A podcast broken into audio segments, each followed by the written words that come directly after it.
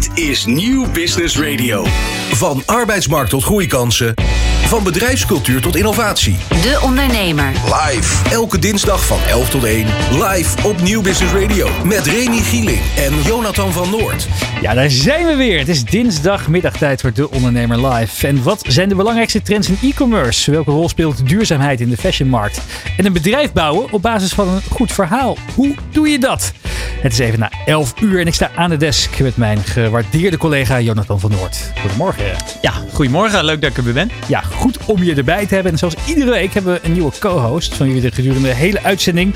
Ja, zullen uitvragen naar de kansen en uitdagingen van moderne ondernemerschap. En vandaag is dat Rob Scholker, founder en CEO van het internationale lifestyle merk The Fish Named Fred. Dankjewel. Ja, uh, Rob, ik wil elke keer Fred zeggen, dat heb je zo al vaker hebben. Jij mag Frop zeggen. Rob, uh, je hebt ook een, uh, ja, voor de kijkers die meekijken op de stream. Je ziet misschien aan de achterkant een hele grote oranje vis de studio, uh, in de studio staan. Daar kwam jij vanochtend, die kwam je vanochtend onder je arm mee de studio op Mediapark binnenzetten. Tuurlijk, was het, mascotte. was het verhaal van die vis? Die vis? Um, nou, die vis die, die staat eigenlijk voor, voor onze Fred. En ooit uh, gingen we naar een, een beurs toe in Amsterdam, uh, de modefabriek. En wij zochten een, een goede manier om ja, in elk geval opvallend naar buiten te treden. En er was een etalagepoppenfabrikant, mooi woord voor Scrabble. Etalagepoppenfabrikant die, die ons benaderd had en die zei: Wij willen wel iets met die vis. En die hadden een vis bedacht. En die vis die, was eigenlijk aanvankelijk heel eng. En uh, wij dachten van, ah, dat, dat, dat, dat gaat geen klanten trekken, de winkel. Nee, dat gaat geen klanten trekken. En uh, maar uiteindelijk uh, ja, hebben we hem zodanig geboetseerd dat hij, ja, dat hij is geworden hoe die, hoe die nu uiteindelijk is. En ja, hij staat nu inmiddels als cover voor etalagepoppen. Dus met een vissenhoofd erop. op, nou, ik denk zo'n kleine 2000 plekken over de hele wereld in etalages. Ja, 2000 plekken over de hele wereld. Daar gaan we het zo meteen over hebben. Jonathan, jij bent naast gevierd business journalist die alles weet over ondernemerschap. Ook onze ja, stelgids van dienst. dat zijn we jarenlang, uh, jarenlang bij, uh, bij Esquire natuurlijk gezeten. Hoe, um, hoe zou jij een fish named Fred omschrijven? Eclectisch, denk ik in één woord. Uh, ja, kleurrijk. En absoluut ook wel, denk ik, een merk voor de Nederlandse man. Het valt mij altijd op dat er wordt misschien altijd gedacht van Nederlandse mannen dat ze niet zoveel durven. Maar kijk nou eens naar alle happy socks en de gekleurde kraagjes. Eigenlijk durven ze hartstikke veel. En ik denk dat Rob daar uh, in, dat, in dat gat is gesprongen. En ja. met heel veel succes. Eclectisch, goede omschrijving? Nou, denk het wel. Ik heb hem nog niet zo vaak gehoord, maar het past wel. We schrijven ja. op. Dank voor het compliment. Zometeen gaan we hierover verder praten. Natuurlijk met Rob Schalker en nog veel meer. De komende twee uur. Blijf eens kijken en luisteren. We gaan snel van start. Van arbeidsmarkt tot groeikansen. Van bedrijfscultuur tot innovatie. De Ondernemer. Live. Elke dinsdag van 11 tot 1. Live op Nieuw Business Radio. Rob, Jonathan en ik gaan de komende twee uur met jou doorbrengen. We beginnen graag met een drietal prangende vragen, zodat de kijker en luisteraar je alvast wat beter leert kennen. Als ik in het torentje zat in Den Haag, dan zou ik morgen dit veranderen in Nederland. Oei, dat is een hele lastige. Uh, ja, moeilijk. Fred is sowieso wars van politiek en ik eigenlijk ook. Um, Zijn er bepaalde thema's waarvan je denkt, ah, dat, dat kan wel beter in dit land? We hebben natuurlijk best wel goed voor elkaar nou, met z'n allen. Ik, er zijn een hele hoop uh, ingewikkelde regeltjes. Ik, uh, ik zou daar wel uh, een stukje vereenvoudiging in willen zien. Einde, einde aan de regelbrei. Ja, ik verschrikkelijk. Ja. Je hebt wel eens vaker gehoord, ja. Uh, Rob, met deze ondernemer zou ik graag een week op een onbewoond eiland willen zitten. Uh, ik denk dat ik hem morgenavond weer zie. Uh, ja, morgen is woensdag, hè? Uh, Ron Simpson. Dat vind ik wel een interessante gast. Ja, eerst de Avocado Show, daarna Skybox. Ook ja, eens een keer. waanzinnig. En waar gaan jullie het dan over hebben? Dan ben ik wel benieuwd die week. Uh, nou, ik denk dat het uh, uh, om, om branding zal gaan voor een, voor een groot deel. Maar uiteraard zullen er ook links en rechts wel privé dingetjes langskomen. ja, branding is, is natuurlijk onze middelneem en zeker ook die van hem. Dan tot slot, mijn favoriete lifestyle merk buiten mijn eigen imperium is... Mm, dat zijn er eigenlijk een paar. er is een merk in Amerika, dat heet Tommy Bahama's. Waanzinnig gaaf merk. Uh, niet zozeer voor de kleding, maar voor wat ze allemaal doen. Hè? Die eh, snappen als geen ander eh, hoe, het, hoe het werkt in brand extension. En eh, je kan bij hun een eh, eh, complete caravan kopen, compleet ingericht. Eh, maar ze hebben ook eh, strandstoelen, nagelknippers, eh, eh, noem het maar. Ze hebben eh, eh, barbecue restaurants eh, ja, en ook kleding. Ambitie voor Fashion and Fred? Ja, nou goed, wij gaan al heel erg de breedte in. En eh, ja, misschien eh, eh, leuk voor de luisteraars om eh, met ideeën te komen. Hè, ik kan eh, straks nog wel iets vertellen over de collabs die we doen. Die gaan redelijk ver en redelijk breed. En ook redelijk niet voor de hand liggend. En ja, misschien dat mensen nog ideeën hebben. Jonathan, collabs. Kan je die uitleggen aan de kijker en luisteraar? Eh, ja, een samenwerking tussen twee, eh, twee merken. Eh, en dat kan echt eh, eh, ja, alle kanten op gaan. Ik was toevallig laatst in een eh, kledingwinkel. En daar zag ik eh, Lacoste, toch wel een beetje stijf. Of eh, van origine tennismerk. Mhm. En die was met een, eh, met een streetwear merk eh, aan de slag gegaan. En die hadden hele leuke pak, ja, soort strandpakjes. Eh, daar zag ik mezelf wel in lopen. Over de collabs horen we zometeen meer van Rob Schalker van A Fish Named Fred. Maar eerst het laatste ondernemersnieuws.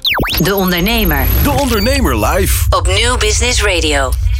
Dit is het ondernemersnieuws van vandaag, dinsdag 2 mei 2023. De Turkse flitsbezorger Getir wil de Duit na Duitse Gorilla's ook een andere Duitse concurrent flink overnemen. Dat schrijft de Britse zakenkrant The Financial Times op basis van ingewijden. Er worden al gesprekken gevoerd, zeggen zij, ook was dat geen garantie dat het tot een deal komt. Flink is behalve in Duitsland ook actief in Frankrijk en Nederland.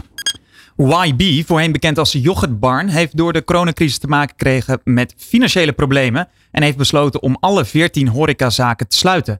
Oprichter Wouter Staal legde uit dat de omzet niet steeg terwijl de kosten bleven toenemen en het bedrijf maandelijk, maandelijks verlies leed. Ondanks gesprekken met andere ondernemers om de yoghurtformule voor te zetten, is dit niet gelukt.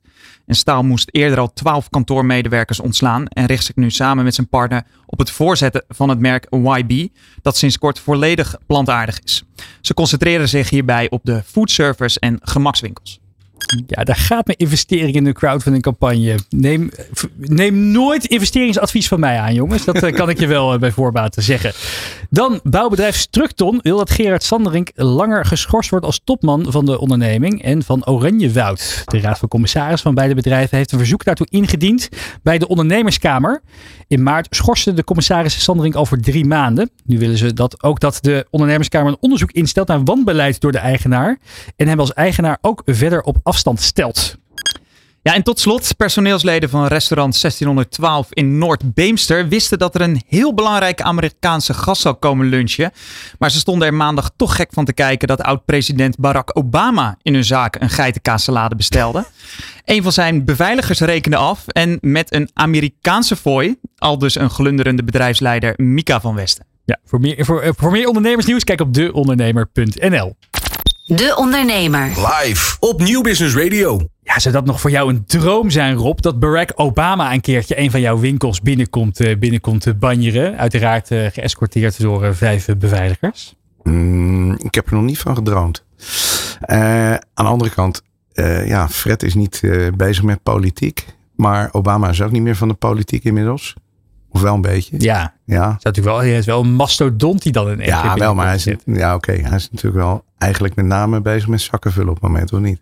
Hij verdient wel veel met Ja, die lezingen. Hoe, Ja. ehm, Ja. je bent wel veel bezig met, met, met, met, met de collabs, hoorden we net al eventjes, met samenwerkingen.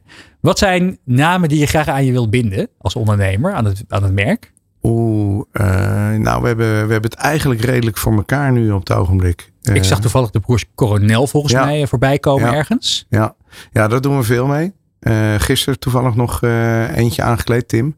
En eh, Tim en Tom die, die gebruiken we bijvoorbeeld ook af en toe in de, in de Here We Holo box. Hè? Die liet je me net nog zien. Ja. Van Desmond. Desmond Frenke. Ja, prachtig En- even voor de luisteraar en kijker. Het is een soort doos, echt gewoon een, ja, een grote, grote ja, life-size doos waar het lijkt alsof je echt in staat, maar het is gewoon een, een virtuele projectie. Ja, waanzinnig. Ja, hele Ja, mooie Het technologie. bestaat al een paar jaar, maar het is nog niet ingehaald. En wat voor, en- maar goed, dus dit zijn de, de Coronel. En waar zoek je dan naar als je, als je dit soort samenwerkingen aangaat? Nou, dingen komen, komen eigenlijk een beetje aanwaaien eh, vaak.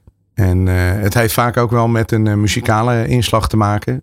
Niet bij de gebroeders Coronel, want die kwamen bij een, bij een klant vandaan. Die, die zei van, hé, hey, daar moeten we meer mee dan alleen die jongens in mijn winkel kleden. Eh, dus, en het klikte. En ja, we hebben intussen hele leuke dingen gedaan. En ze dragen onze kleding eigenlijk bijna uitsluitend ja, continu op tv. Ehm, en ja, goed, muzikale inslag, dat komt ook een beetje door mijn eigen achtergrond. ik ben gelukkig nog niet kaal, maar wel muzikaal. en ja, dat, dat resulteert erin dat ik veel muzikale raakvlakken heb. En ja, ze doen bijvoorbeeld ook leuke dingen met, met Cesar van de Conteniering. Maar Rob, moeten de mannen net zo kleurrijk zijn als het merk? ja, het moeten wel fretjes zijn. Ja, en en wat is een fret? Nou, een fret is iemand die niet bang is om het podium te pakken. Hè, die in een restaurant de zwaarder van de muur trekt om een uh, toneelstuk op te voeren. En uh, ja, goed, die niet, uh, niet bang is om, om zich wat expressiever te kleden. En dat kan ook een keer zijn met een, een shirtje met een, een leuke print onder een blauw truitje. Het hoeft niet altijd helemaal kermis te zijn natuurlijk. Uh, maar ja, het hangt een beetje van het, uh, van het kleedmoment en, het, uh, en, de, en de gelegenheid af. En ja, de sky is the limit ook in dat opzicht. En als je dan kijkt naar die muzikanten, wat voor muzikanten zou je dan echt, waar, waar zou je echt trots op zijn als die muzikant nog een keertje in de Amsterdam Arena staat op het podium met een Fish Name Fred shirt? Nou, een van mijn, een van mijn favorieten, dat is Jack Black van uh, Tenacious D. En uh, we kleden zijn uh, gitaristen al, dus we zijn langzamerhand dichterbij aan het komen. Maar dat zou ik wel heel vet vinden. Als Jack Black ooit een keertje ja, dat zou ik wel gaaf vinden. Ja. Misschien minder van de, voor de hand liggend, maar toch. Nou, en natuurlijk een wereldster van formaat. Naast met, met, ehm, met al zijn activiteiten. Hey, Fish Fred is ja, ver buiten de landsgrenzen uh, reikt het. Want je zei net al eventjes dat de, de, jullie, ja, jullie iconische oranje vis op die, die op de paspoppen te zien is. Inmiddels ja, op 2000 locaties wel, uh, wel, uh, wel, wel te vinden is. Op de 2000 paspop in ieder geval heeft. 27 showrooms van Sydney tot Kaapstad tot Toronto tot Praag, Helsinki. Hoe is dat zo gekomen? Uh, ja, begonnen in uh, Nederland, uh, vervolgens Duitsland erbij. En toen kwam na een, een, tijdje kwam België. En België, dat was een hele bijzondere, want de, de huidige Belgische agent die kwam voorbij op de beurs. En ja, die had een heel mooi verhaal. Die, die wilde eigenlijk ja, een kleurrijk merk bij zijn wat rustigere merken hebben. En nou, daar hebben we ja tegen gezegd. En een van zijn wat rustigere merken heet Bugatti. En uh, ja, het mooie is dat zij reclame voor ons zijn gaan maken tijdens de uh, collectiemeeting bij Bugatti, waar allerlei uh, collega's uit andere landen bij waren. En dat resulteerde erin dat eerst, ehm, even kijken, eerst Canada, Amerika, vervolgens Nieuw-Zeeland, Australië, daarna Zuid-Afrika, mm, Tsjechië, Slowakije.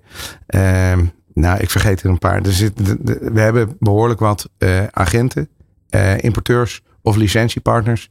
Uh, die komen via Bugatti. Dus, en we hebben ook een prima verband met, of een prima verstandhouding inmiddels met dat merk. We kennen elkaar natuurlijk. En ja, dat, dan gaat het snel, weet je. En het is heel simpel. Een, een goede agent die uh, zit altijd vol met merken. En een slechte die is altijd op zoek naar merken. Dus op het moment dat je uh, over het omslagpunt bent dat ze jou gaan willen. Ja, dan, dan uh, gaat het heel snel. Eigenlijk heeft het dus, je hoeft maar één superfan te hebben met het juiste netwerk. Klopt. Om zo'n ripple effect te krijgen. Zo'n steentje wat je in het water gooit. ja. dan? Nou, ik, ik, ben eigenlijk wel benieuwd, uh, Rob. Want je uh, showrooms uh, hoorden we Remy zeggen. Daar doen de winkeliers hun inkopen. heb je ook eigen winkels? Hoe, even voor de luisteraar om het Imperium ja. Fish and Fred te schetsen. Ja. ja, we hebben een aantal eigen winkels. er zitten er twee in Bulgarije. En uh, vier in Nederland momenteel. Uh, eentje Maastricht. Uh, nou, het is nog op te noemen, hè, zo weinig. Maastricht, ehm, Haarlem, Amsterdam en de Westfield Mall of the Netherlands in Leidschendam. En ja, eigenlijk is dat een kapstok om ons franchise-verhaal verder uit te werken en uit te bouwen. Hè, op een dusdanige manier dat we geïnteresseerde retailers uh, ja, eigenlijk kunnen triggeren, om een uh, Fish Name Fred winkeltje te, te beginnen. En ja, we kunnen ze daar op alle vlakken mee helpen. Met marketing en met communicatie. Uiteraard met het inrichten van die winkel. En ja, we, realiseren ons wel dat alle winkels anders zijn. Dus ja, je moet respect hebben voor wat je aangeboden krijgt als locatie. Maar als de locatie goed is en de traffic is goed en de ondernemer is een fretje, oftewel hè, die snapt ons concept, ja, dan kunnen we natuurlijk eh, relatief snel eh, zaken opzetten. En we zijn nu op het moment in gesprek met een aantal eh, toekomstige partners in dat opzicht. Nou, we gaan vandaag over een heel aantal zaken praten. Over de rol van online, over de rol van innovatie, over de rol van duurzaamheid in de fashionmarkt. Ik ben ook even benieuwd, hoe, hoe staat het Imperium er nu voor? Hoeveel collega's heb je werken? Uh, waar, worden deze, waar worden jouw kledingstukken gemaakt? Over hoeveel shirts hebben we het die uh, jaarlijks over de toonbank gaan? Mm, er zitten in nou, alle artikelen bij elkaar. Dus dan heb ik het over shirts, blazers. En blazers, eh, oftewel Colbert's, eh, is onze, onze, meest, onze snelst groeiende productgroep eigenlijk. Mhm. En als je het eh, over totale aantallen hebt, dan eh, moet je denken aan eh, zo'n 270, 260.000 stuks wat we, wat we nu op dit moment doen. Ja, en waar, en waar hou je die vandaan? Die komen voor een groot deel uit Turkije. Maar ook uit uh, India, al, althans niet die Colbert maar dat is meer netwerk, oftewel het brei goed. En uh, uit China. En met hoeveel collega's zit je op kantoor? Uh, we zijn op kantoor nu met z'n nee, negentiende, net eentje bijgekomen, negentiende. Vind ik wel leuk, want je, je bent echt, je komt uit de, de, de fashionmarkt. Je hebt vele, vele, vele jaren geleden nog een ander merk gehad. New Zealand. Auckland. Auckland? Nou, dat is niet zo vele jaren geleden. Nee? Nee. We zijn erbij begonnen in 2006. Ja? En uh, ja, opbouwen, opbouwen, opbouwen. En op een gegeven moment uh, kreeg ik in 2011 het idee van, nou ja, oké, okay, dit, dit staat voor een groot deel en het gaat, uh, gaat eigenlijk best goed. alleen, ja, ik wilde weer wat andere dingen verder uitbouwen en eigenlijk echt voor mezelf in plaats van met, met collega's of partners dat te doen. Ehm, en ik deed daar een stuk export, ik deed daar een stuk marketing en uh, ja, uiteindelijk hadden we het agentschap voor Nederland ook daarbij. En ik ben verder gegaan vanaf 2011 met agentschap. maar in 2011 ben ik ook begonnen met een Fish Name Fred. Maar dan ben ik toch benieuwd, wat spreek je zo aan aan die fashion-industrie? Wat heeft, wat je kan natuurlijk als, als, als ondernemer of als aspirant ondernemer zijn er mm. een miljoen, miljard markten waar je je op kan gaan focussen. Dus waarom heeft Rob Schalker gekozen om in die kledingmarkt te gaan zitten? Nou, ik ben er een beetje ingerold. Zo, zo kun je het eigenlijk beter zeggen. Dus ik ben er ingerold als de ene kant. En, uh, en waar ik dan voornamelijk ingerold ben, is uh, de connectie met uh, marketing. He, dus eigenlijk meer hoe je iets verkoopt in plaats van wat je verkoopt. Maar dan moet je me toch even meenemen wat je er dan zo aan fascineert. Want je kan wel inrollen, maar je kan ook denken na een paar jaar, nou, vind het wel leuk geweest. Sterker nou, nog, je kiest, uh, kiest ervoor om een heel nieuw merk op te zetten. Ja, dat is een hele klus. En, uh, en er zijn natuurlijk ook mensen die denken van zo, die gasten hebben het leuk voor elkaar. En, uh, maar die hebben geen idee van de slapeloze nachten en, uh, en alle ellende die we, die we ook hebben meegemaakt. Ja, maar er, er zit dus makkelijk. iets in die markt waarvan, wat, wat, wat jou nog heel erg enthousiasmeert. Ja, nou ja, goed. toen, ik, toen ik begon, Hè? En ik, ik had toen nog niet eens een naam bedacht. Toen had ik wel in mijn hoofd van oké, okay, wat ik wil maken. Uh, daar, zit, uh, daar wist ik van uh, welke, welke, wat er op de vloer zou liggen, wat er aan de, aan de wanden zou hangen, welke muziek er gedraaid zou worden en welke koffie er geschonken wordt. Dus dat had ik allemaal wel een beetje in mijn kop. En, je wil beleving creëren. Die beleving, ja, precies. Maar die was er op dat moment was het natuurlijk iets wat gebouwd moest worden. Dus als je iets in je hoofd hebt en je wil daar naartoe werken en je hebt van, je hebt van tevoren heb je een, een focuspunt hè, een, een eerste brug om naartoe te werken. Ja, dan heb je in elk geval al iets in handen waarvan je denkt van oké, okay, daarmee kan ik me gaan onderscheiden van de grauw-grijze massa. En eh, op die manier eh, wil, ik mij, eh, wil ik mijn merk neer gaan zetten. Maar en, is dat en, het dan? Frustreerde je het feit dat, dat het gewoon allemaal super boring was? De hele, de hele kledingmarkt voor, voor mannen specifiek? Nou, ik had wel het idee dat, uh, dat de wereld, uh, en de, was op dat moment natuurlijk nog alleen Nederland, uh, dat wij wat, wat meer vrolijkheid en, en, en kleur, kleur konden gebruiken. En uh, ja, op dat moment uh, had ik natuurlijk nog geen idee wat allemaal, uh, me allemaal te wachten stond. En of het allemaal zou lukken. Maar ja, dat heeft me wel gemotiveerd. En dat was notabene 2010, 2011. En ja, de, de wereld was eigenlijk langzamerhand behoorlijk in crisis. En ja, dat heeft ook nog wel wat uitdagingen gegeven links en rechts. Ja, dan? Nou, ik, ik ben eigenlijk wel benieuwd uh, naar de. Uh, ik, ik zit ook naar jouw bordje te kijken met, met, met Hollandse tulpen erop. Ja. Uh, hoe, hoe komen jullie tot een ontwerp? wie, wie, wie verzint dit? Wie, wie verzint A Fish Named Fred? Ja, we hebben een heel clubje. eh, waarmee we eigenlijk creatieve ideeën uitwisselen. En die cre- creatieve ideeën die eh, monden uiteindelijk eh, uit in eh, de keuze voor een thema.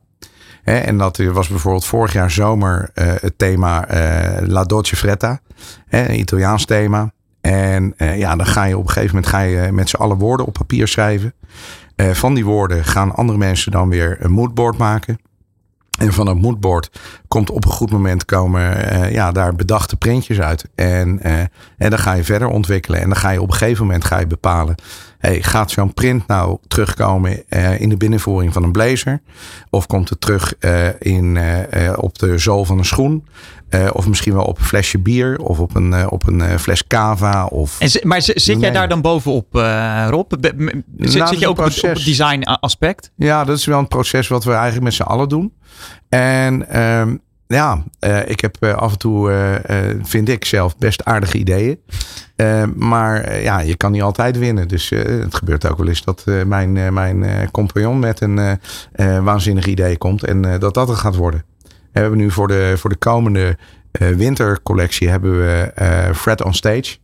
Eh, dat is een mengeling van early jazz, rock and roll, cinema en Broadway musicals. En ja, hoe ik het nu vertel, hartstikke leuk. Maar je moet het zien. Dus het wordt echt gaaf. Want elk seizoen heeft dan een apart thema. Ja, Ieder voor- jaar Ja, heb je klopt. twee. Ieder half jaar. Ja, ieder half Ja, jaar. dus nu voor de zomer hebben we Fred Goes Brazil. Wat waar ik me er ook een beetje aan deed denken. Als ik, als ik de site bekijk van een Fish Named Fred. ehm, en ook die, die, die Colberts die je, die je verkoopt. Die blazers met die printjes van binnen. Het deed mij een beetje denken ook aan Hans Ubbink. Ja, wat, wat Hans Ja. Ubbink jaren geleden Ja. deed. Wat, wat hij een beetje heel jammer genoeg niet meer, eh, Ja. niet, niet meer heeft voortgezet. Ja. Is dat ook een inspiratiebron voor je geweest daarin? Nou, dat, daar heb ik wel regelmatig aan gedacht natuurlijk. Hè. Die had toen de grasjas. En eh, Hans is ook wel eh, een keertje op kantoor geweest bij ons. Ik ben ook een keer bij, hem op bezoek geweest. eh, een paar jaar geleden om te kijken of we misschien in de toekomst niet iets... een soort van collab op kunnen zetten. Maar het is er nog niet van gekomen. Nee. Ehm, Wat doet hij eigenlijk tegenwoordig? ja, hij zit wel in de, in de design business. Hij is meer met interieurdesign bezig. En de laatste keer dat ik hem sprak, was hij bezig met het, het reproduceren van de Rembrandt op zijn eigen manier. Kijk, Ja. eh, uitnodigen in de studio, Jonathan. Ja, is, is zeker een interessante kerel. Leuk, daar gaan we het zo meteen over hebben. Maar eerst gaan we door naar eh, e-commerce. En eh, daarvoor hebben we een bijzondere gast in de studio.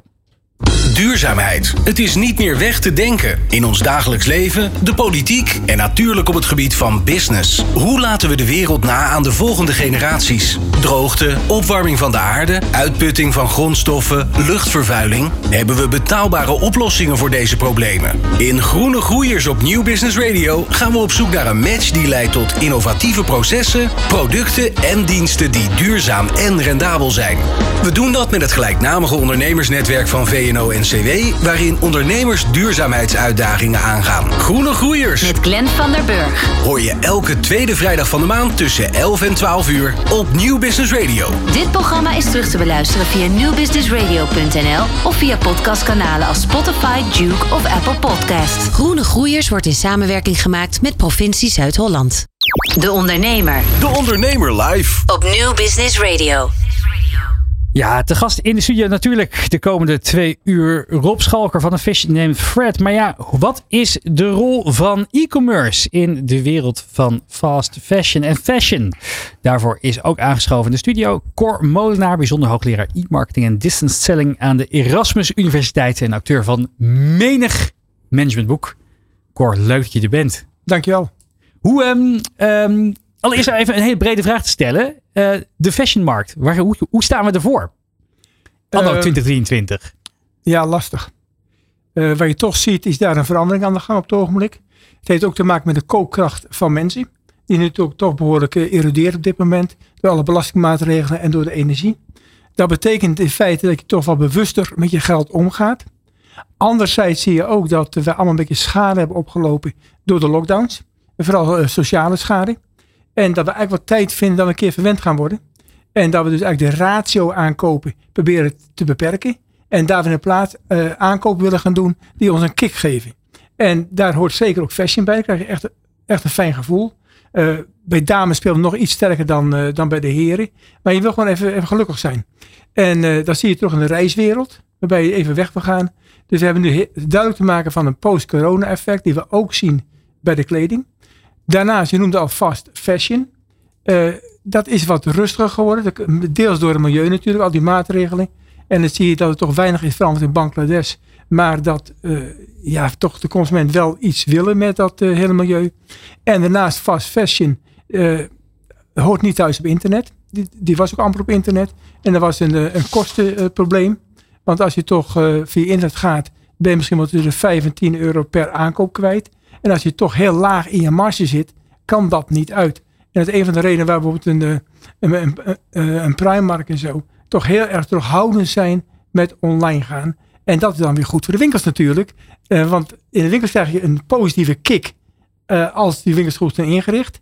En op internet krijg je een andere, andere vorm van kick, alleen maar aankoopkick die je s'avonds thuis kunt gaan doen. Hoe zit het bij jouzelf? Hoe zit het bij je eigen aankoopgedrag? Koop jij veel online als het gaat over kleding of ga je nog steeds die winkels in? Nou, ik ben uh, een klassieke man in mijn generatie. En in mijn generatie wordt 70% van de mannenkleding door vrouwen gekocht.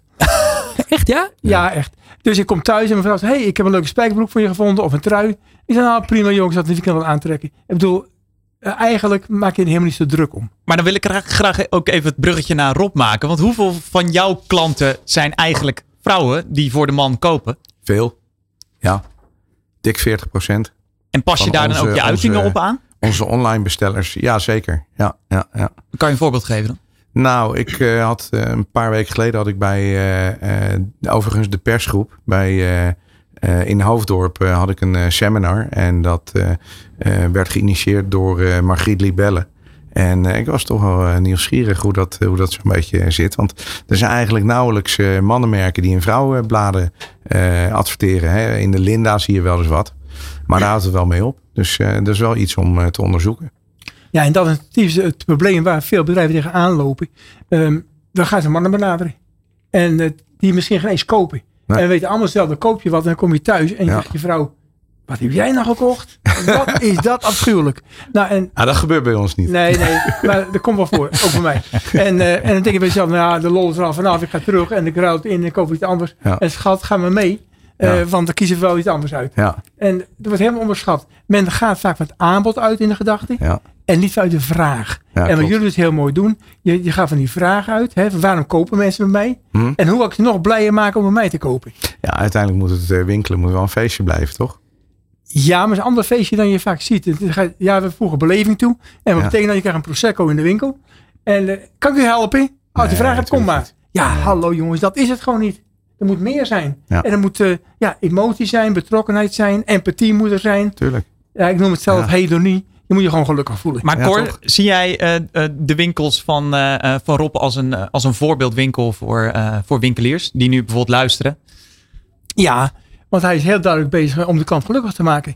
Uh, dus de hedonische factor, hè, hoe kan ik iemand gelukkig maken, die speelt daar een belangrijke rol. En dat is voor mannen anders dan voor vrouwen. En als we samen binnenkomen, uh, moet het ook anders zijn. Uh, wat, ik, wat me altijd verbaast bij een vrouwenkledingwinkel, dan ga je aan de tafel zitten. Ja, want die vrouw zoekt toch wel uit. En leggen vrouwenbladen. En ik zeg altijd, nee jongen, leg daar een telegraaf neer, leg voor mij op de Playboy neer en zo. Want van die mannen moeten aan die tafel Tuurlijk, zitten. En die, die vrouw gaat niet aan de tafel zitten. En bij een mannenzaak moet je een mix neerleggen van vrouwenbladen en van mannenbladen. En, uh, en dat gebeurt dan niet. En dat Het zijn maar kleine stapjes, maar het zijn wel, het zijn wel belangrijke. Hey Cor, een andere grote trend is dat je ook steeds meer grote platforms ziet opkomen. En we zagen het natuurlijk al in de, in de, in de consumentengoederen, Amazon, bol.com, waar ook andere aanbieders meer hun spullen op konden gaan verkopen. Hè, als een soort van groot warenhuis met allemaal shop-in-shop constructies online. Dat zie je ook meer in de fashionmarkt gebeuren. Uh, Zalando heeft zijn platform opengegooid voor, voor externe partijen. Uh, Otrium doet hetzelfde, wat meer voor de, voor de, voor de, voor de markt waarin de, de kortingen uh, worden rondgestrooid. Wat is jouw visie daarop? Wat moeten we daarmee? Waarom staan winkels in een winkelstraat dicht bij elkaar? En niet ergens op het platteland? Omdat er bezoekers moeten komen. Zo simpel is het. Ja. En, en de winkelstraat moet je er langs zo'n winkel komen lopen. En langs de andere winkels. En dat is een magneet en dan ga je naartoe. Ja. Nou, hetzelfde op internet. Als iedereen maar bezig is om die mensen te trekken. En dat is een groot probleem. Maar als je weet dat een grote partij heel veel bezoekers trekt. Dan zeg je ook, dat, ik moet daarbij zijn. En ik moet zorgen dat die ook mijn diensten gaan aanbieden. En want anders moet je het allemaal zelf gaan doen. En dat is kostbaar en dat is lastig. En dan moet je elke keer weer, weer onderhouden. Dus ja, er zullen grote platformen uh, gaan komen. Maar die moeten ook uh, heel duidelijk de klantendata goed kennen. Die moeten artificial intelligence gaan, uh, gaan toevoegen. En daar kun je ook van profiteren. Want wat je eigenlijk zegt, hè, dat als je als, als merk bent en je hebt een eigen webshop, dan sta je ergens, uh, dan, dan, kunnen mensen het wel bezoeken, maar dan moeten ze soms flink omrijden om bij jouw online winkeltje te komen. Ze gaan waarschijnlijk al naar dit, dit soort platformen toe, Zalando of, uh, of Otrium, want hè, daar, uh, daar is veel te vinden. En dat is interessant voor merken om op in te haken. Uh, Rob, of, uh, ja, hoe, hoe, kijk, hoe kijk jij naar die, naar die platformen? Staan jullie daar ook op bijvoorbeeld? Nou, wij zijn daar niet zo heel fanatiek op. We, zijn wel wat, uh, we hebben wel wat uitgeprobeerd links en rechts. Maar, ja, het kost we... enerzijds marge, denk ik. En tegelijkertijd, ja, je, je, je bent niet in contact met je klanten. Nee, nou kijk, er zijn natuurlijk twee manieren om met die, uh, met die platformen te werken. He, we hebben uh, een paar platformen die kopen gewoon bij ons. He, zoals een Weekamp die koopt. Uh, en een Peking Kloppenburg die, nou ja, moet zeggen, kocht. Want die, die zijn natuurlijk zo ongeveer insolvent, hè, heet dat in Duitsland. Uh, en ja, goed, je hebt er nog wel een paar. Bol.com, daar zijn we een beetje mee aan het uitproberen. Maar ja, wij, wij, trekken eigenlijk het liefst de, de, de, mensen naar onze eigen site. Of naar de site van onze klanten. Hè, of naar de winkel van onze klant toe. En, wa en waarom en dan? Mag ik even op reageren? Ja? Want wat je ziet vaak... Uh, nee, laat ik het anders zeggen. Hij kijkt naar een bijenkorf, heb ik vaak mee gesproken. Die hebben vaak onbekende merken. Want als een onbekend merk is me wel goed, dan gaan we naar de bijenkorf toe om te kopen. En een merk die, die test het uit. En als inderdaad vraag gaat ontstaan naar een bepaalde merk, dan gaat zijn eigen winkel beginnen. Dus dan zie je zo'n platform heel mooi gebruiken als een start-up. Tot je enige bekendheid hebt. Ja, een soort springplank. Als springplank. Het nadeel is, wat je net zelf ook zei Rob, je krijgt de klantendata niet. En die heb je juist hard nodig. Dus dan begin je eigen website. En dan heb je altijd een bepaalde bekendheid gekregen in de markt. En nu ga je door. En nu kun je de merk veel verder doorbouwen. En met die klant aan de gang. Ja, nou is de, de Bijenkorf natuurlijk geen marketplace. En uh, ja, de Bijenkorf is natuurlijk een, een heel apart voorbeeld in, in dat opzicht. Dan moet je ook willen liggen. En in het begin wilden we daar graag liggen. Maar het is de strategie die ze toepassen, die Tuurlijk. je ook ziet met platformen op ja. internet. Maar je wil niet bij, de, die moet je even uitleggen. Waarom zou je niet bij de bijenkorf willen liggen, Rob? Nou, op een gegeven moment, weet je, onderaan de streep uh, moet je natuurlijk wel wel iets overhouden. En Ja. de condities die zij hanteren, die zijn niet echt super interessant. En uh, we hebben een paar seizoenen geleden hebben gezegd van alle deals uh, die we doen op Imago, die schaffen we af. Oftewel, er moet geld verdiend worden. En anders dan, dan ja, liever niet. Zie je dat ook uh, gebeuren in de brede markt, uh, Cor? Ja, precies zo. Je, moet, ja, je, moet, je moet marge maken. Ja. En je moet oppassen bij de platform. Je kunt heel veel verkoop hebben. Maar als je inderdaad bottom line gaat kijken, waarvoor marge is zelf vragen. De provisie is vaak tussen de 10 en 20 procent. Dan heb je nog verzendkosten bij. Je hebt twee voorraden. Vaak een voorraad die ligt bij, de, bij het platform. En een voorraad die je eigen beheer bij je winkel hebt. Ja. Ook een kostenpost. En ze kunnen de onverkochte voorraad waarschijnlijk weer inleveren. Ja, die gaan ze inleveren. Zeggen we, wij verkopen te weinig. Maar dan is de vraag of jij het nog kan verkopen. Want het seizoen is net weer afgelopen en zo. Dus dan kan je altijd nog naar Outrium. ja, Ja. dan, dan levert je bij Outrium Ja. in. Nou ja, dat, dat levert uiteindelijk natuurlijk aan onderaan de streep gereed op. Ik bedoel, als je, als je alles bij elkaar optelt. Hè, eh, je zegt net zelf al, eh, eh, de, de, eh, eh, ik ben hem even kwijt, sorry. Maakt niet uit. Nee, maar je moet wel marge maken. Nou ja, precies. Ja, nee, goed. Je moet marge maken en je, de bottom line. ehm, ja, kun je zeggen, eh, oké, eh, ik doe een, eh, een eh, retailer leveren eh, voor het imago. Want dan heb ik eh, een naamsbekendheid en ben ik in beeld. Maar ja, weet je, eh, aan het eind van de dag eh, moet je wel eh, salarissen betalen. En je moet wel je bedrijf goed runnen. En weet je, als je alles bij elkaar optelt en dan heb je het over hogere marge die ze willen hebben. Ze willen artikelen terug kunnen sturen. Die, de slow movers willen ze terug kunnen sturen. Gebeurt inderdaad altijd aan het eind van het seizoen wanneer jij er niks meer aan hebt. Ze willen ook nog eens een keertje een markdown hebben. Oftewel je mag meebetalen aan de uitverkoop. Ja, het schiet niet echt heel erg op. En is het ook niet ontzettend zonde als je zoveel tijd in die beleving steekt? In, eh, nou ja, eh, we gaan er straks nog dieper op in. Je- Jij jij hebt bandjes voor je spelen, eh, eh, allerlei eh, mooie filmpjes gemaakt. En dan lig je uiteindelijk bij een retailer die daar totaal niet eh, zoveel moeite in steekt als dat jij doet. Nou, precies. Kijk, die, die, die grote clubs die prijzen ook heel snel af. Eh, ja, moet je ook maar net willen.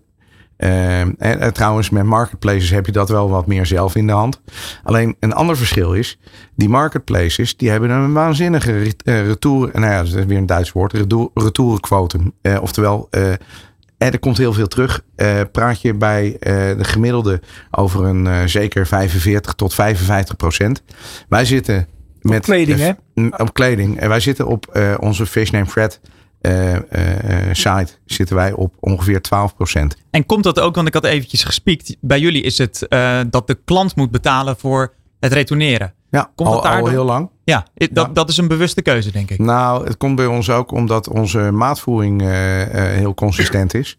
En dat resulteert erin dat als iemand een shirt van ons gehad heeft en hij weet dat die maat medium heeft, dan heeft hij volgende keer niet in één keer een small of een extra small of een, een L. Uh, en dat, die, die, consistentie is belangrijk. Als iemand weet wat hij heeft, dat is ook het makkelijke aan ons merk. Uh, en voor ons, uh, en daarom hebben we ook geen damescollectie. we hebben een mannencollectie, omdat de shape eigenlijk altijd hetzelfde blijft. Alleen het printje verandert steeds. Of de structuur of het materiaal. Maar de shape die blijft telkens gelijk. Een L is altijd een L. Ja. Maar dat is een belangrijk punt hoor, wat je nu zegt. Want uh, elke fabrikant heeft wel een eigen maatvoering. Ja. Dus dat betekent als jij een, een merkenswitcher bent en de ene keer het ene merk koopt, de andere keer het andere merk koopt, dan weet je niet of je helemaal past. Ja. Dus dan koop je hem toch. Maar als jij met een, een, een herhalingsaankoop begint, een repeat sales van een bepaald merk, dan weet je, die maat die ken ik. Ik moet hier altijd maar 52 hebben, want dat past goed. En dan heb je dat probleem helemaal niet. En dan heb je dus eigenlijk alleen maar retouren, omdat het tegenvalt qua kleur of, of weet ik ja. wat. Dus dat is een heel juist statement. Ja, en er wordt nog een keer extra getackled door een, uh, door een feature die we hebben ingebouwd in de website.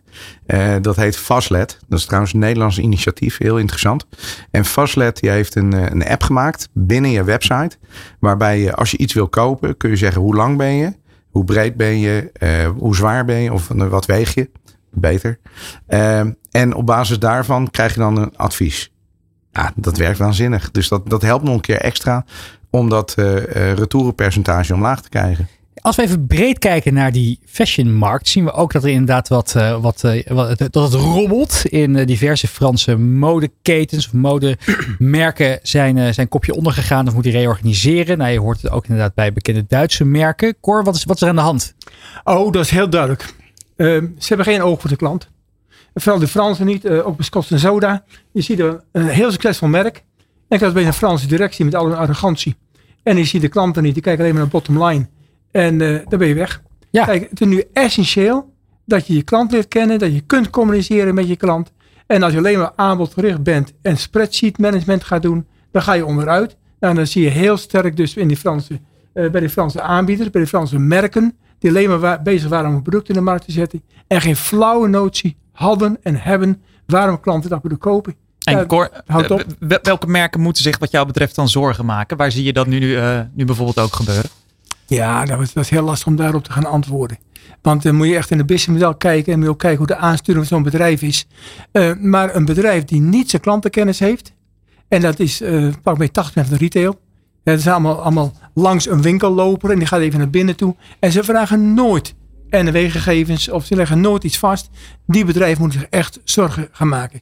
Want wat we nu zien is toch een individualisering in de maatschappij. Jij wilt herkend worden hoe jij bent. En als ik zeg, je bij een bepaalde doelgroep, zeg je met de doelgroep niks te maken. Ik wil dit gewoon. En dan ligt dus de uitdaging voor de aanbieder om je ook te kennen. En op de juiste manier te gaan benaderen. En dan zie je dat we technieken hebben, zoals artificial intelligence, zoals algoritmes, die dat allemaal prachtig kan doen voor jou. Maar als jij maar alleen maar achter je toonbank zit te leunen en te klagen over het weer dat er niemand langskomt. Nou, ik zou zeggen, vraag je visement maar aan. En dan zie je dus nu ook gebeuren. Die hebben gewoon de slag gemist. Duidelijk. Jonathan, jij bent ook modekenner. Had jij, had jij dat, uh, dat faillissement van, uh, van, van inderdaad uh, Scotch en Soda zien aankomen? Nou, dat, dat valt voor mij, ja, als ik gewoon in mijn eigen omgeving kijk, valt het wel mee. Want het was juist een merk wat heel ja. veel, in ieder geval in mijn vriendengroep, heel populair was. Ik zie hier ook wat, wat knikkende blikken. dus ik had het eigenlijk niet zozeer zien aankomen. Ik zie hier nu Rob, meneer Schalker. Rob, Rob, die denkt daar over. Jazeker. Hoe kan dat? Dat wij als consumenten dachten, dat gaat wel goed. En jij als ondernemer ja. het tegendeel ziet. Nou kijk, wij uh, krijgen natuurlijk mee wat er in, uh, in onze branche gebeurt. En dat krijgt een gemiddelde consument natuurlijk niet, niet mee. En daarmee bedoel ik, er zijn meerdere, meerdere publicaties geweest waarin een paar jaar geleden al gezegd werd van nou we gaan er nieuw geld in pompen. ooit in 2015 is natuurlijk Vroom de Reesman failliet gegaan. Ik zal niet zeggen dat dat door toedoen van Sun Capital geweest is. Maar dat is wel de investeringsmaatschappij uit Amerika. Uh, die Scotch Soda heeft overgenomen. En toen dat gebeurde dacht ik van mm, oké. Dan trekken ze A, trekken ze de ziel uit het bedrijf. Dat is natuurlijk altijd heel erg link. En B, ja, die, die retailer die, die moet uiteindelijk gaan accepteren dat dit bedrijf shareholder driven is. En shareholder driven betekent dat als er iemand aan de knoppen draait in eh, Amerika, eh, dan moet er eh, korting gegeven worden. En dan maakt het geen zak uit of jij net als merk je collectie uit hebt geleverd aan de retailer. dan moet er korting gegeven worden. En ook al is dat na drie of vier weken, ja, dan ga je natuurlijk heel snel achteruit als je afhankelijk bent van die retailer. Want ze zijn ooit begonnen als een wholesale organisatie, oftewel eh, afhankelijk van winkeliers. Overigens, nou, ja. ja. Nee, nee, ga door. Sorry. Ja, en, en na verloop van tijd hebben ze gezegd van nou, we gaan het hele model ombouwen en gaan winkels openen. Nou, toen hebben ze winkels geopend, eigenlijk voor en, en net in corona. Ja, dus niet heel handig, want die moesten dicht. En dat, dat gaf een aardige belasting op uh, uh, productflow. Uh, maar ook medewerkers die aangenomen waren. Vervolgens hebben ze zo tegen het eind van corona hebben ze besloten. We gaan er weer 29 miljoen dollar in pompen om nieuwe winkels te openen. Uh, of het nou precies 29 miljoen of dat dat een van de, van de druppels op de gloeiende plaat was, uh, wil ik even, even uh, buiten beschouwing laten. Maar onderaan de streep hebben ze geïnvesteerd, geïnvesteerd, geïnvesteerd om nieuwe winkels te openen. Om maar heel geforceerd ervoor te zorgen dat ze van een wholesale naar een retailorganisatie gaan. Zonder die beleving bijvoorbeeld waar we het net de hele tijd nou over hadden mee te nemen. Ik, ik, vind die winkels wel waanzinnig hoor. Want ik heb er pas in Londen heb ik er nog een paar gezien. Die, die, zien, die zien er echt top uit. Het ziet er echt waanzinnig uit. Ik, ik vind het sfeertje wat ze neerzetten wel mooi. Maar is dat goed genoeg dan? Nou, blijkbaar niet. Nee. bovendien, wat ook heel belangrijk is, ze hebben eh, notabene in het inkoopseizoen hebben ze prijzen verhoogd. dus de eerste helft van de, van de klanten die had mazzel en de tweede helft die had pech want prijzen werden verhoogd in het seizoen. Eh, waardoor een, eh, een polootje die uh, voorheen 59 euro kostte. Ja, die was in één keer 89 of 109. Ja, dan prijs je jezelf uiteindelijk ook wel een beetje uit de markt. Maar wat je ook vaak ziet gebeuren is toch een cultuuraspect. als wij als Nederlands bedrijf naar het buitenland gaan.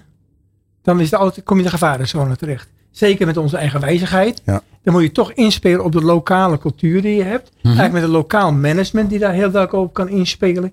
En als dat niet gebeurt, als, als je gewoon, als een Frans bedrijf naar buiten gaat, zie je die problemen. En Nederlands bedrijf ook naar buiten gaan. Dus daar moet je heel uh, reëel mee omgaan, dat je waardering hebt voor die cultuur. En ik kan me best voorstellen, een winkel in Engeland, uh, dat die toch een, net iets anders is dan in Nederland. Om het Engels op een andere manier kopen, een andere reden kopen, dan in Nederland. En daar moet je dus open voor staan. En dat is dus bijvoorbeeld Suit Supply, wat echt een wereldwijd merk is geweest. Met natuurlijk mhm. heel veel winkels. Ook lastig gehad natuurlijk in coronatijd. Die hebben dat al goed gedaan. Wat, wat, hebben zij dan volgens jou goed gedaan, Cor?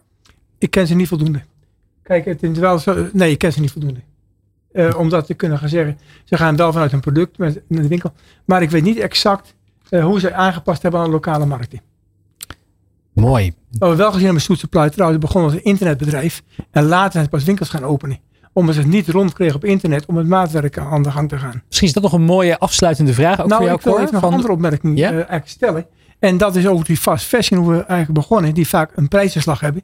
Wat ik nu zie gebeuren, is dat merken best duurder mogen zijn. En ik zie nu de onderkant de ontwikkeling komen met, uh, met, laten we zeggen, pre-owned kleding. Dus al gebruikt zijn. Waarbij Vinted dus heel duidelijk een, een eh, voorbeeldfunctie hebt. Mm -hmm. Ik adviseer vaak ook aan winkels van als mensen je koopt, zeg gewoon, kom je terug over zes maanden, krijg je nog een bepaald percentage van je aankoop terug. En dan mag je weer bij mij in de winkel besteden.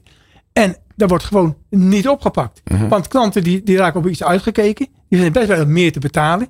Als ze straks bij de herhaling aankoop, weer een behoorlijke korting krijgen. En dat is een onrichtende beweging die eigenlijk tegen die fast fashion ingaat. En voor mij gewoon heel veel kans, kansrijke ontwikkeling laat zien. Ja. Rob? Ook eentje om te onderzoeken voor ons, zeker. Ik bedoel, het hele, hele sustainability verhaal komt natuurlijk ook uh, steeds verder uh, om de hoek kijken. Hè, het, je hebt nu UPV, een, een, eigenlijk een verbond tussen Modint en, en in retail. Jan Meerman komt geloof ik straks nog langs. Mhm. Dus ik kan daar nog wat meer over vertellen.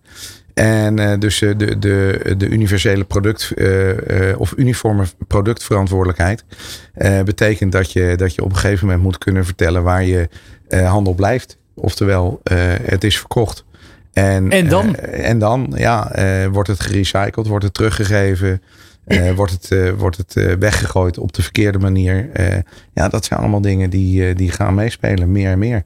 Mooi. Nou, voldoende om over door te praten verderop in deze uitzending. We gaan nu afscheid nemen van Cor Molenaar.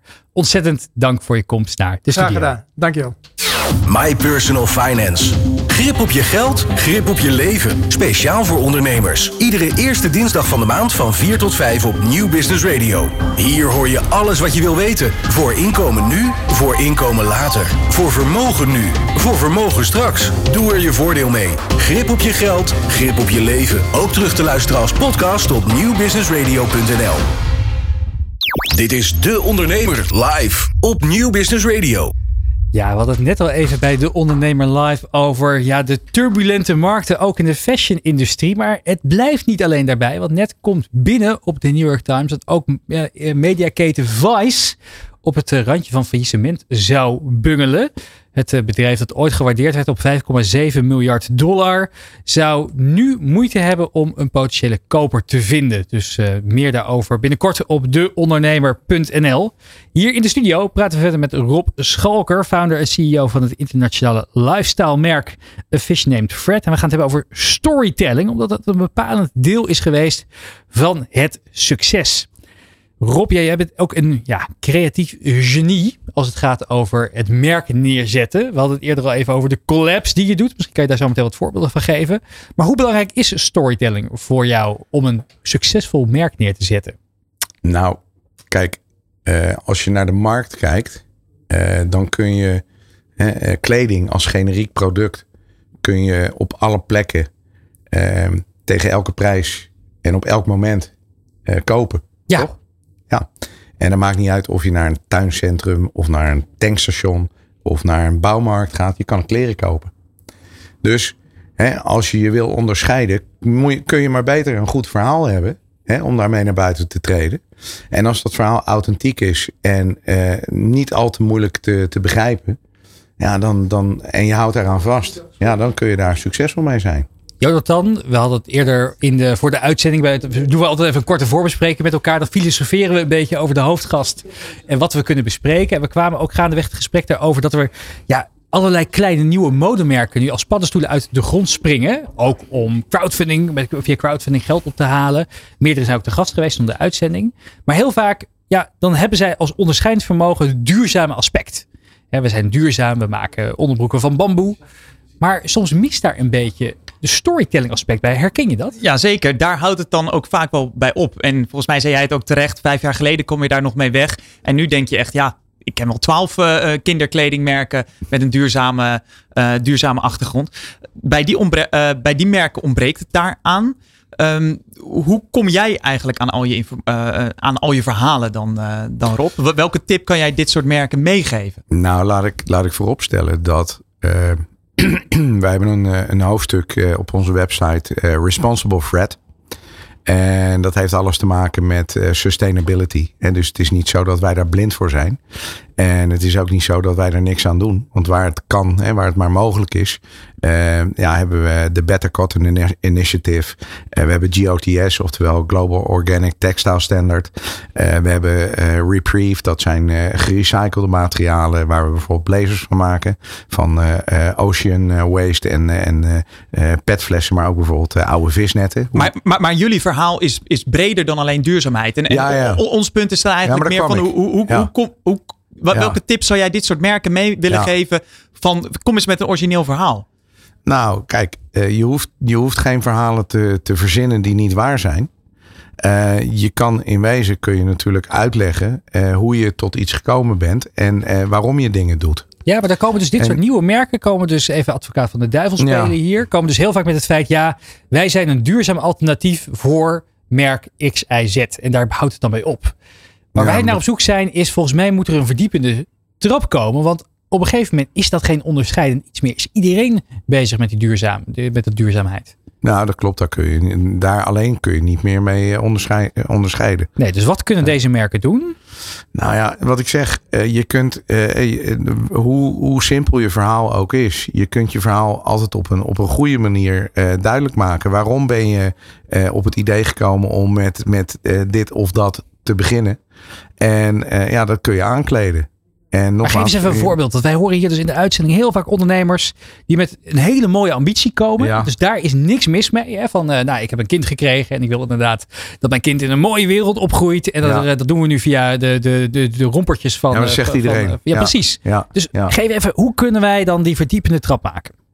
Eventjes vanuit het, eh, even de, de, de brain van de meester. De Ja, mentor. Nou, dat vind ik wel iets te veel gezegd. Maar ik, ik, vind, het, ik vind het heel moeilijk om, om andere tips en adviezen te geven. eh, waar ik in wezen eh, zelf mijn eigen verhaal vertel. Eh, ja, vind ik het heel Maar moeilijk. komt om het bij jou dan altijd gewoon spontaan op? Ik Ja, ben zo benieuwd wel. Hoe, Het is- hoe, die geest werkt van jou Nou, qua dat- dat- verhalen. Nou, dat, kijk, ik maak heel veel foto's eh, de hele dag. En dat zijn vaak foto's die eh, gere- gerelateerd zijn in, in wat mij bezighoudt. En dat kan iets met muziek te maken hebben, maar dat kan ook met, met Fish Name Fred of met kleding of andere dingen te maken hebben. Dus ik post vrij, zeker de laatste weken weer, vrijwel elke dag wel iets op LinkedIn. En ik zit nooit verlegen om ehm, eh, inspiratie om iets te plaatsen. Oftewel, ik kijk even in mijn fotostream en ik zie een, eh, een leuk eh fotootje. En ik kan daar een verhaal mee bedenken. En dat, dat moet wel een waar verhaal zijn. Je moet er geen, geen, geen bullshit ophangen. Maar uiteindelijk eh, eh, ja, is de manier waarop je het vertelt. En hoe je mensen eh, kan aanspreken met jouw verhaal. Is wel doorslaggevend. Voor eh, of je geloofd wordt. Hè, en of je daar succesvol eh, mee, mee kan zijn. Ik ben nog steeds op zoek naar pakkende voorbeelden. Maar misschien Ja. weet onze gast die aan de telefoon hangt dat wel. Jij kent hem ook, Rob.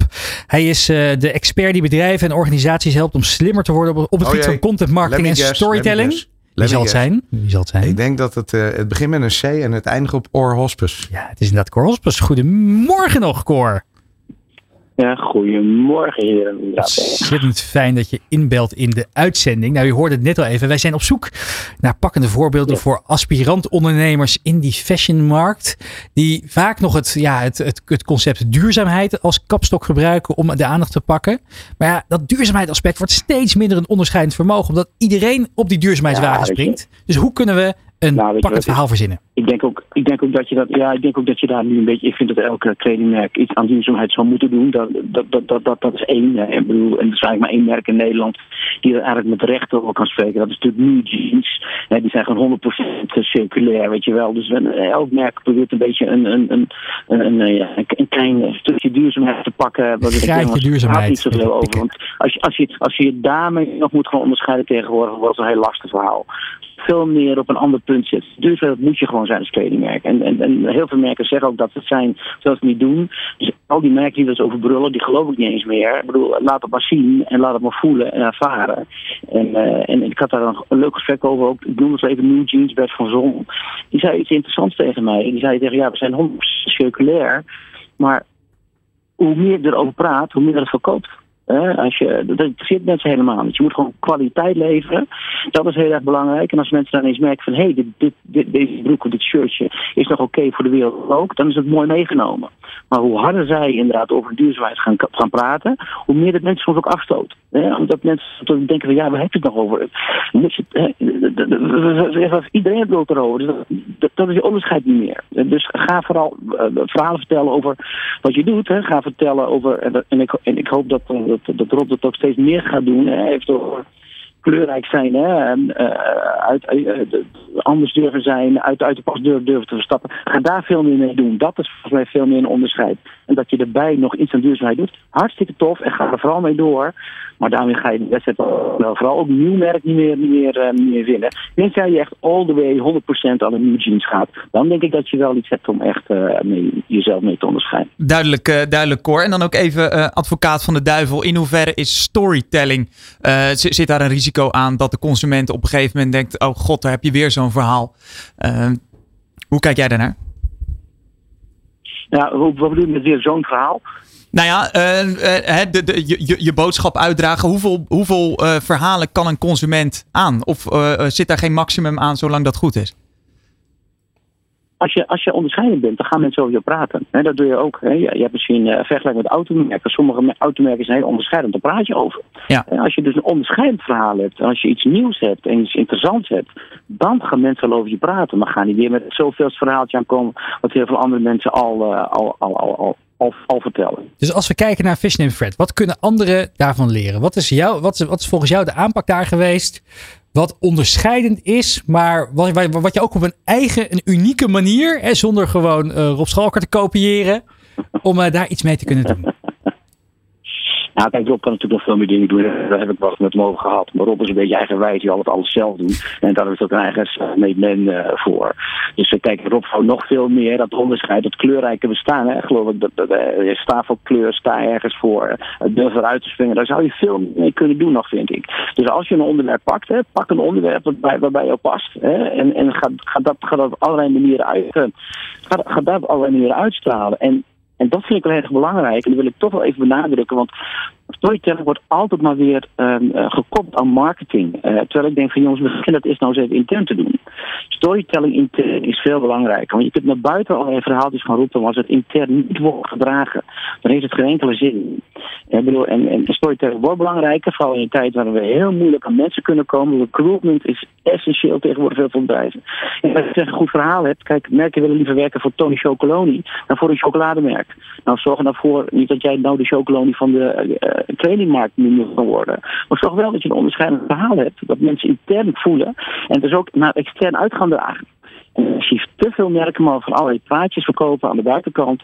En dat intern niet wordt gedeeld. Dus als ik hier met bedrijven bezig ga, zeg ik altijd: jongens, we gaan het verhaal intern, daar gaan we aan de slag. Je moet niet van bovenaf een van de consultant komen die gaat vertellen: nou, dit gaan we vertellen. Nee, dat gaan we met elkaar gaan we op zoek naar ons verhaal, naar ons onderscheid. En dat werkt veel beter dan van buiten maar wat gaan blijven roepen terwijl het intern wordt gedragen door je eigen medewerkers. Rob?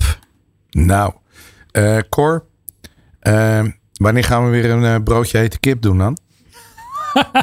Ik, heb, ik, heb, ik, heb, ik heb gemerkt dat jij heel slecht kan koken, dus laat dat maar aan mij over. we, gaan, uh, we gaan nu al heel erg de diepte in van uh, oude vriendschappen die binnenkort weer uh, worden aangewakkerd. Dus wij gaan er even tussenuit voor de reclame. Dan kunnen wij Rob en Cor een momentje geven. Straks in uur 2 van de Ondernemer Live praten we uitgebreid verder met onze co-host Rob Schalker van de Fresh Name Fred. Duiken we dieper in deze wereld van retail en e-commerce met Jan Meerman, directeur van In Retail. We hebben diverse ondernemende gasten en natuurlijk onze vaste radiocolumnist Job van den Berg. AI en data-expert. Mis het niet. Tot zometeen.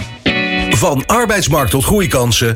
Van bedrijfscultuur tot innovatie. De Ondernemer. Live. Elke dinsdag van 11 tot 1. Live op Nieuw Business Radio.